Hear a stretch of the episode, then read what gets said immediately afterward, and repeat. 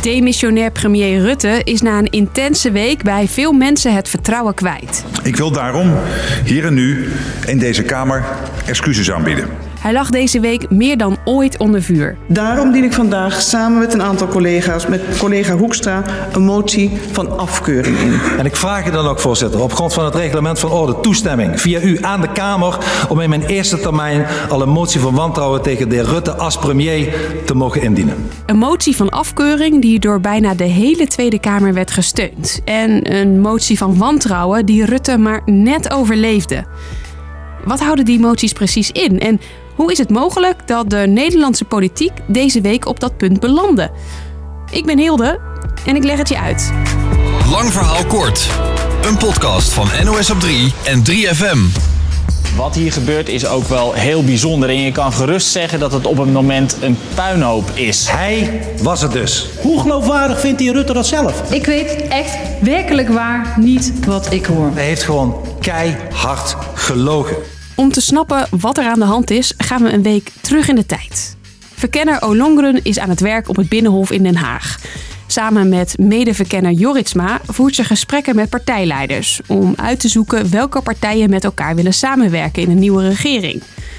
Maar dat verkennen loopt mis door een blunder van Olongren. Wat er dus gebeurde, Olongren die rende naar buiten, die kreeg namelijk een uitslag. Ik ben positief getest op corona. Die dacht, hup, snel die auto in. Eh, die had er spullen mee. Maar wat blijkt, de fotograaf, die had ingezoomd. En daarop stonden allemaal details over de gesprekken die ze vandaag wilden voeren met Kaag en Rutte. Een van die details is inmiddels het bekende zinnetje Pieter Omtzigt, functie elders. Daar hadden we het ook over in aflevering 22 wilde iemand om zich weg hebben omdat hij heel kritisch is op de regering.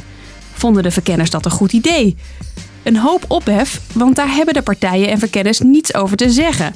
Iedereen zei daarna, ook Rutte. Dat wij in ieder geval in onze gesprekken het niet hebben gehad over eh, Pieter Omtzigt, omdat hij zo zichtbaar in die stukken naar voren kwam. Heeft u überhaupt over de heer Omtzigt gepraat in die gesprekken? Nee.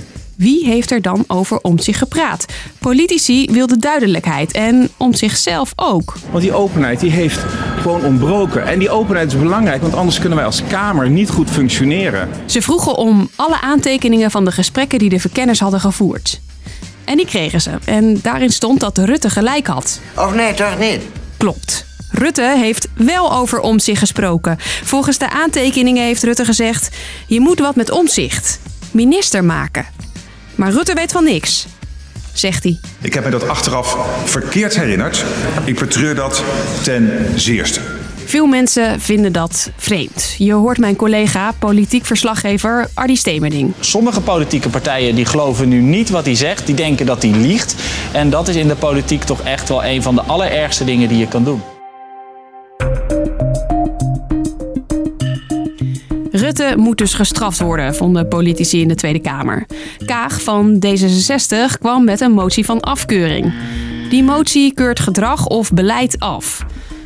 Er was een grote meerderheid voor deze motie, alleen de VVD stemde niet voor. Dat betekent niet per se dat je meteen van hem af wilt.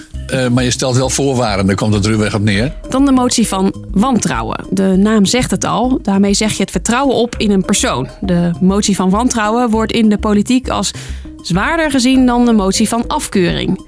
Er was net geen meerderheid voor. Toch beseft Rutte dat er werk aan de winkel is. Dus ik zal mijn stinkende best doen dat vertrouwen terug te winnen. Waar een motie van afkeuring vooral is bedoeld om een signaal af te geven, ligt dat bij een motie van wantrouwen toch wat anders. Als daar een meerderheid voor was geweest, werd van Rutte wel verwacht dat hij zou opstappen. Maar midden in een crisis vonden verschillende partijen dat geen goed idee en dus spraken zij niet hun wantrouwen uit, maar wel hun afkeuring. Je weet nu hoe een blunder van een verkenner voor een lastige situatie zorgde voor Rutte en op welke manier hij nu op de vingers is getikt door de Tweede Kamer. Maar hoe nu verder? Je hoort een campagnestrateeg. Ik weet zeker dat de positie van de VVD in de komende formatieonderhandelingen ernstig verzwakt is. Zeer verzwakt is. Ik, ik denk dat de VVD alles, mocht, mocht de VVD door willen met een, met een kabinet, dat de VVD eigenlijk niks te vragen heeft uh, in, in die formatie. Rutte is zwaar beschadigd. Misschien zegt hij zelf ergens de komende tijd toch nog dat hij ermee ophoudt. Als hij eh, het eh, slagveld eh, echt goed in zich heeft opgenomen. Alle politici gaan de paasdagen in ieder geval goed gebruiken om na te denken.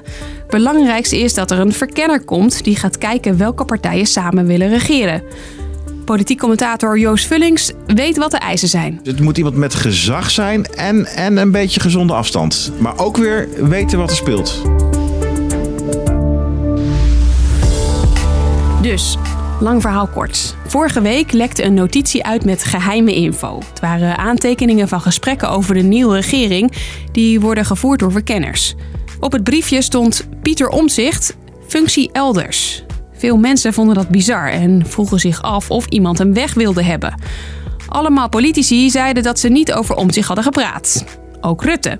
Maar dat bleek niet waar te zijn. Hij is nu op de vingers getikt met een motie van afkeuring.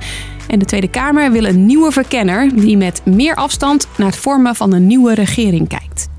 Fijn paasweekend. Vond je deze podcast interessant? In de 3FM-app vind je er nog veel meer. Zoals deze, van de makers van Streetlab.